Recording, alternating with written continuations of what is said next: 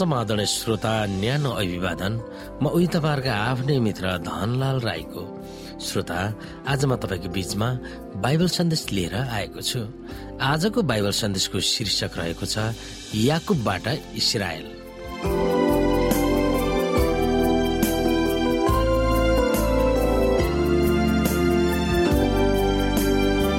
श्रोता साथी याकुबबाट इसरायल भन्ने बाइबल सन्देशमा हामीले अध्ययन गर्नुपर्ने बाइबलीय पदहरू रहेको छ।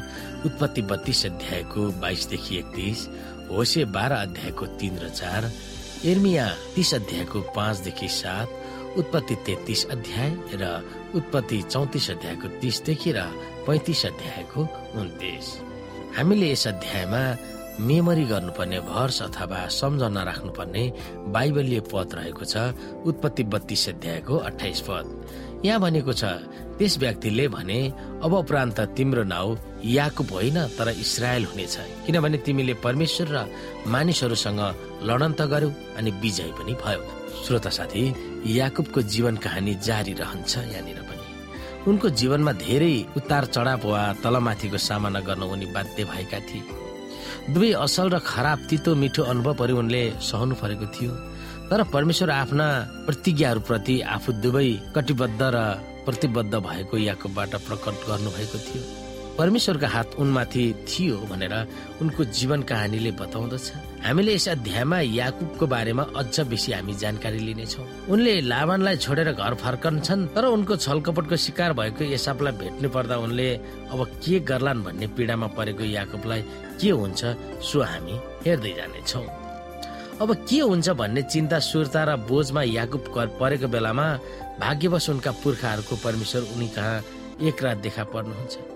त्यस बेला एउटा यस्तो घटना भयो जुन पछि आउने याकुबको सङ्कटलाई देखाउँदछ। त्यस रात धोकेबाज याकुबको नाउँ परिवर्तन भएर इजरायल नामाकरण हुन्छ। उनकै नयाँ नाउँबाट सुरु गरिएर नयाँ जाति र राष्ट्रको सिर्जना पनि हुन्छ। समुच्च रूपमा भन्ने हो भने याकुब र उनको परिवारको जीवन कहानीले हामीलाई परमेश्वरको बारेमा उल्लेखनीय आत्मज्ञान सिकाउँदछ।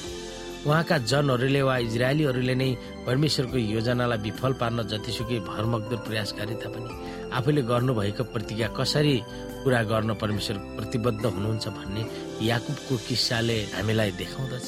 गलत तरिका उपभोग गरेर जेठो छोरोको अधिकार उनले खोजेको उनको भूल र पाप हो भन्ने ज्ञान उनको अगाडि अब प्रष्ट हुन्छ। उनले परमेश्वरका प्रतिज्ञाहरूमाथि भरोसा राखेनन् तर आफ्नै प्रयासले ती प्रतिज्ञाहरूलाई हात पार्न खोजेका थिए। उनलाई थाहा भएन कि परमेश्वरले आफ्नै समयमा आफ्नै तरिकाद्वारा उहाँको इच्छा पुरा गर्नुहुनेछ भनेर। परमेश्वरले उनलाई क्षमा दिनुभयो भन्ने प्रमाण नै उनको नाउँको परिवर्तन थियो। याकुब भन्ने नाउँले उनको पापलाई याद दिलाउँछ भने उनको विजयलाई याद दिलाउन उनलाई नयाँ नाउँ दिइन्छ।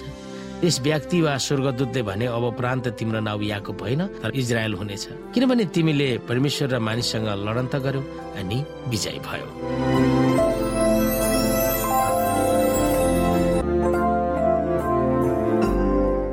श्रोता आजको लागि बाइबल सन्देश यति नै। अर्को प्रस्तुतिमा पुनः भेट हुने बाचा सहित म उही तपाईँहरूको आफ्नै मित्र धनलाल बिदा हुन्छु। हस्त नमस्ते जय मसिंह।